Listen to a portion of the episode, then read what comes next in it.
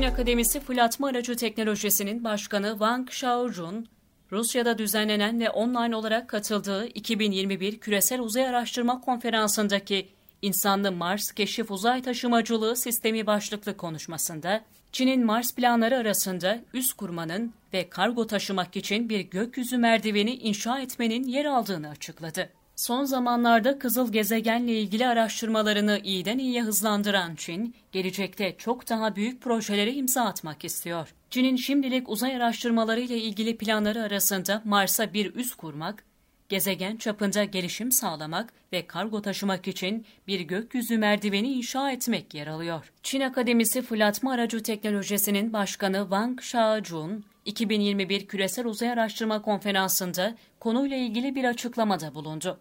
Xiaojun, insanlı Mars Keşif Uzay Taşımacılığı Sistemi başlıklı konuşmasında yaptığı açıklamada, üç aşamalı planın ilk adımında Mars'a numune toplamanın ve orada kurulacak üs için yer aramak amacıyla fırlatılacak android robotların yer aldığını söyledi. Daha sonra Mars'taki üssü kurmak için insanlı bir görev düzenlenecek ve üçüncü aşamada da kızıl gezegende bir topluluk inşa etmek için dünyadan Mars'a kargo filosu gönderilecek. Mevcut zaman çizgilerine göre bu fırlatmaların 2033'ten 2043'e kadar her iki yılda bir yapılması planlanıyor. Mars'a yolculuk için harcanan maliyeti ve zamanı azaltmak için gökyüzü merdiveni projesine odaklanan Çin'in çalışmalarında ne kadar yol kat ettiği belli değil.